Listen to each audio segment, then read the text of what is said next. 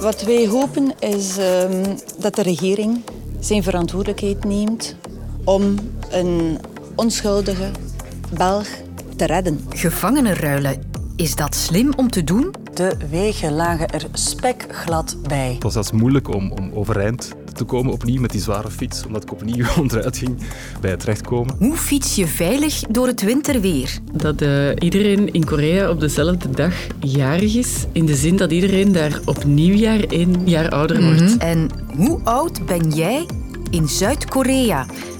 Simpele vraag, iets complexer antwoord. Je hoort het in dit kwartier. Ik ben Sophie van der Dokt.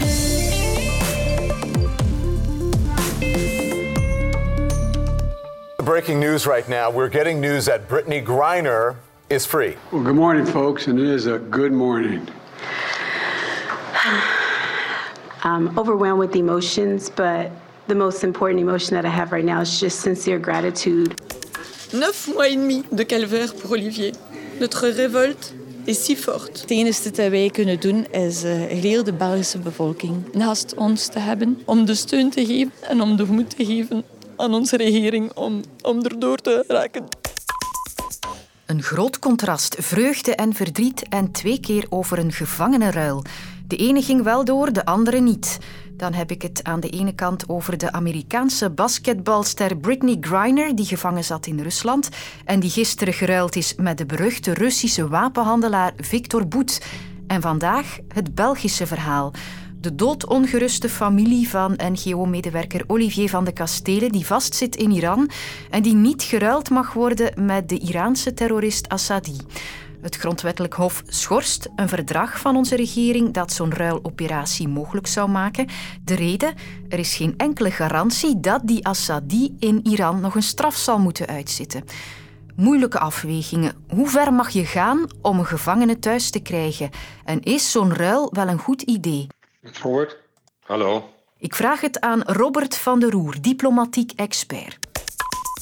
Ja, eerst die deal tussen Amerika en Rusland. Een basketbalster voor een wapenhandelaar. De Amerikanen wilden eigenlijk nog een tweede gevangene vrijkrijgen. Dus Rusland is daar de winnaar? Dat zou je wel kunnen zeggen, ja. Victor Bout, de veroordeelde wapenhandelaar, heeft als bijnaam koopman van de dood en zou wapens hebben geleverd aan onder meer de Taliban en Al-Qaeda. Terwijl de basketbalster Griner uh, verdacht wordt van het hebben van wat cannabisolie. De, de asymmetrie tussen beide hoofdrolspelers is gigantisch. Uh, de Amerikanen wilden Paul Whelan, die ook in Rusland vastzit, ook in deze deal betrekken. En daarin heeft Poetin niet toegestemd. Dus ja, je moet gewoon vaststellen, dit is een overwinning voor Poetin. En was het dan verstandig vanuit Amerikaans oogpunt om dit op poten te zetten?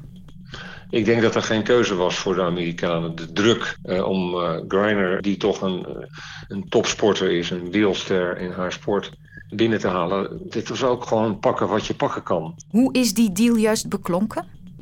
Nou ja, op diplomatiek niveau. Je zag ook de minister van Buitenlandse Zaken Blinken gisteren in beeld. Maar instrumenteel is ook een ontmoeting geweest tussen de inlichtingenchefs van Amerika en Rusland. Chef uh, van de CIA, Bill Burns, heeft zijn counterpart Nariskin een paar weken geleden in Istanbul ontmoet. En daar is deze gevangenruil ook ter sprake gekomen speelde zich dus op hoog niveau af. Uh, in België uh, verliep die zaak over Olivier van de Kastelen anders. Er was een politiek verdrag om een ruil mogelijk te maken met een Iranier. Dat verdrag is nu geschorst. Begrijpt u dat de familie bij de regering aandringt om een andere oplossing te vinden? Dat begrijp ik zeer. Ja, het is gewoon een drama voor die familie. Niet meer en niet minder. De Belgische regering heeft met meer niet bevriende staten dit soort uitleveringsverdragen gesloten. En dan moet je eigenlijk eh, triest vaststellen dat nu de onvrijheid van Iraanse eh, terroristen wordt geplaatst boven de vrijheid van een Belg, een Vlaming. En dat is triest. Maar het is ook weer een fact of life. Het argument van de rechter dat deze Iraanse terrorist op eigen bodem zou worden vrijgelaten, is doorslaggevend gebleken. Vindt u het dan de plicht van onze regering van België om alles te doen wat mogelijk is om van de kastelen vrij te krijgen? Nou, Je stelt de vraag, ik vind het bijna een retorische vraag. Het lijkt me evident dat dat moet gebeuren. Het is hier altijd een keuze tussen twee kwaden. We zullen als westerse democratieën moeten accepteren dat wij zaken doen hier met een crimineel regime. En dan concreet, hoe moet België deze zaak oplossen? Daar hoorden soms onorthodoxe oplossingen bij. Daar hoort stille diplomatie bij. Het hele register moet worden gebruikt. Ik hoop echt dat de Belgische regering dat diplomatieke register blijft gebruiken. Diplomatie is een vak dat draait om effectiviteit. En of daar nou de microfoon of de lulte uh, bij ingezet wordt, dat wisselt per geval. In deze situatie denk ik dat stille diplomatie effectiever is om uh, van de kastelen vrij te krijgen. Maar nogmaals, alle middelen moeten worden ingezet. En dat kan soms ook maar beter achter gesloten deuren uh, gebeuren, omdat je dan rustiger en effectiever kunt onderhandelen. Duidelijk standpunt, dank u wel. Jo, bye bye. Succes hè. Het was glad vanmorgen, heb je het ook gemerkt? En dus was het een eerste keer prijs deze winter. Verschillende ongevallen, niet alleen met auto's, want ook mijn fietsende collega's vonden dat het gevaarlijk was. Het was echt een, een halve centimeter ijs ongeveer. Ik kon bijna schaatsen erop. Ik heb het niet gedurfd. Uh, ik wist van de waarschuwing, ik was gewaarschuwd. Omdat ik uh, vorige winter gevallen ben. Ik zag dat er twee vrouwen gevallen waren en ik dacht, hier is, hier is iets aan de hand. Ik moet eventjes uh, kijken wat dat is. En op dat moment ga ik zelf onderuit. Ik voelde het, hè. ik voelde mijn achterwiel wat wegslaan en ik kon me nog overeind houden. En ik probeerde eigenlijk niet te remmen, maar dan kwam er een, een stevige bocht en ik moest toch remmen. En dan ging ik natuurlijk tegen de grond. En met een speedpedelec is dat dan toch makkelijk aan, aan een snelheid van 30 km per uur. Ik fiets met een uh, plooifiets. Dat zijn kleine bandjes. Uh, je hebt niet veel voeling met de, de ondergrond. En het was echt spekglad. Wat doe je nu het best als het vriest zoals vanmorgen? Je fiets thuis laten of zorgen dat je niet valt? Welke voorzorgen kan je eigenlijk nemen om niet te vallen als het glad is? Ik dacht dat een ex-veldrijder mij misschien wel wat tips zou kunnen geven. Ik heb wel eens een valpartijtje gemaakt in de sneeuw, ja. Dat is Niels Albert, twee keer wereldkampioen. En tegenwoordig heeft hij een fietswinkel. Bij hem moet ik zijn. De gouden regel is dat je een beetje je gezond verstand laat werken. Als ze s'morgens zeggen dat rijm- en ijsplekken zijn, nu moet je met een speedpedelec rijden, met een winterband. Nu moet je met een koersfiets rijden, een mountainbike rijden als je denkt dat je Mathieu van der Poel of Wout van Aert zei en dat je tegen 45 per uur over een ijsplek kunt rijden, ja, allee, dat gaat niet, hè. Dat gaat niet. Dus je moet gewoon, uh, wat wij vaak vertellen tegen ons land is, van kijk, als je s'morgens ziet dat, dat er heim- en ijsplekken zijn, of dat uw auto echt aangevrozen is, of allee, let dan een beetje op, hè. En probeer vooral niet een held uit te hangen. Op het moment dat je voelt dat je aan het slippen bent, is het vaak al te laat, hè. Uh, want dan, ja, je op twee wielen. Hè. Als je met een auto slipt, dan je kunt niet omvallen hè, met een auto. Uh, maar met een fiets, op het moment dat je voelt dat je begint te schuiven, ja, dan is het om zeep. Hè. En wat ik zou aanraden, op het moment dat je in één keer plots voor u, twee meter voor u, een ijsplek ziet, ja, ga niet vol in de remmen. Allee, panikeert niet, en, maar dat is natuurlijk een reflex. Hè. Maar uh, waarom schuifde vooral? Dat is als je remt op een ijsplek, dan blokkeert je wiel. En dan ga je gewoon ja, onderuit schuiven. En als je gewoon je pedalen stilhoudt en je bolt en je laat je fiets gewoon bollen en niet aan je remmen komen gewoon bollen, ga je vaak over die ijsplek gewoon rechtdoor overrijden. En niet op sturen, hè. niet proberen op te draaien. Hè. Gewoon je stuur vasthouden, gewoon schoon rechtdoor erover. En dan komt dat meestal wel goed. Maar ja, het kan natuurlijk ook wel een keer misgaan. Maar um, ja, voorzichtig zijn gewoon, dat, dat is het enige dat je eigenlijk kunt doen. Ik zal nu zeggen, als er nu echt sneeuw ligt en de fietspaden zijn niet geruimd, ja, dan moet je op straat rijden. Hè. Want je gaat in één keer op een, uh, op een, op een plek komen waar, waar in één keer veel sneeuw is dat je niet gezien hebt. Of je moet een manoeuvre doen en voor iemand uitwijken. Uh, ja, en dan heb je prijzen. Dus ja, wij raden mensen wel aan als het echt... Uh, echt sneeuw op de fietspaden ligt en ze zijn niet proper, ja, dan kun je niet anders dan op straat fietsen. Hè. Winterbanden uh, wordt wel vaak gelegd op de mensen uh, die heel veel speedpedelec en gewoon werk rijden, zoals uh, bij een wagen. Hè. Um, wordt dat wel vaak gedaan. Um, en we merken dan nu ook wel dat, ja, ik zeg, met het grote cliënteel bij ons die, hun fiets als, als tweede voertuig zien, die, die ook niet zonder kunnen, dat dat wel vaak gelegd wordt. Ja. Als je nu gewoon naar de wintermaanden gaat en de banen zijn wat natter, dan zou je een beetje lucht uit je banden kunnen uitlaten, omdat je band al zachter is.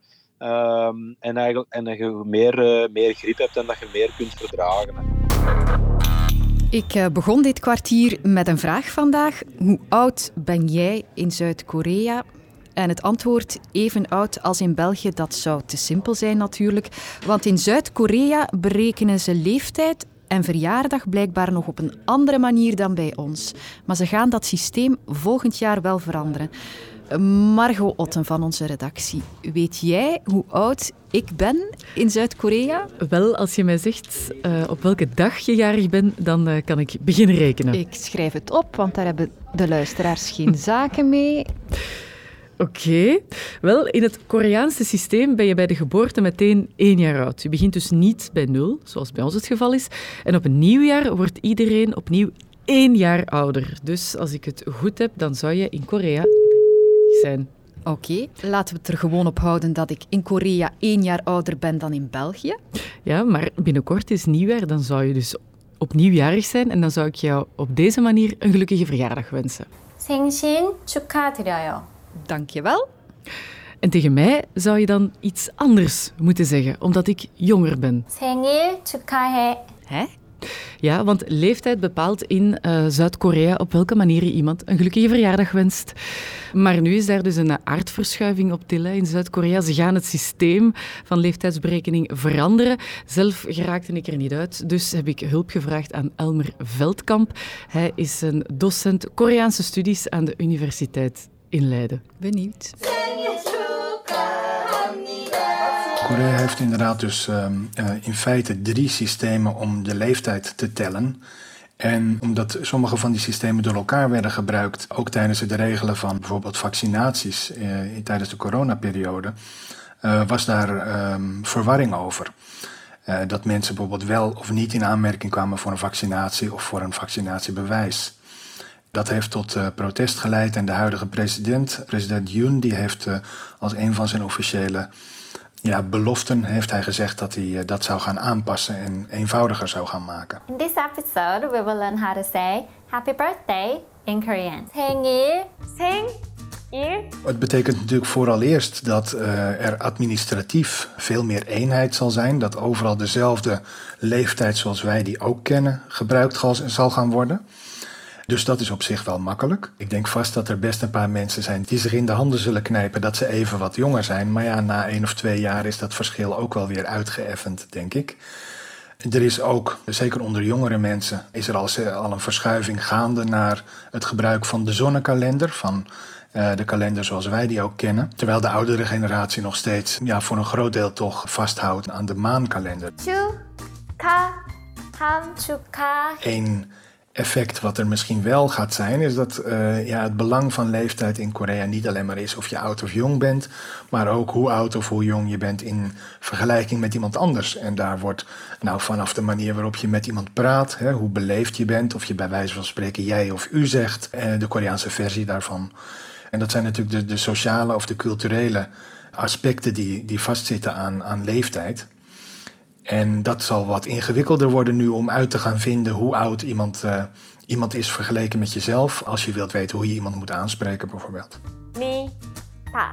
Ni, ta. Korea is in het verleden ook goed omgegaan met, uh, met veranderingen die soms binnen een mum van tijd zijn doorgedraaid ik kan me hier wel voorstellen dat het nog een, in, in bepaalde situaties nog blijft doorlopen. Want er zit niet alleen een uh, telfunctie, een administratieve functie aan, maar natuurlijk een sterke sociale en culturele functie.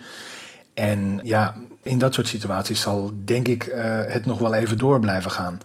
Maar aan de andere kant zie je natuurlijk ook dat steeds meer jonge mensen er eigenlijk een beetje genoeg van krijgen om ieder jaar bijvoorbeeld hun maankalenderverjaardag te moeten gaan uitrekenen en weer te moeten laten weten aan iedereen dus er is zeker nu al een trend gaande dat er steeds meer mensen gewoon de zonnekalender gebruiken. 생일 축하합니다. 생일 축하합니다. Of hoe leeftijd meer dan een getal is in Zuid-Korea.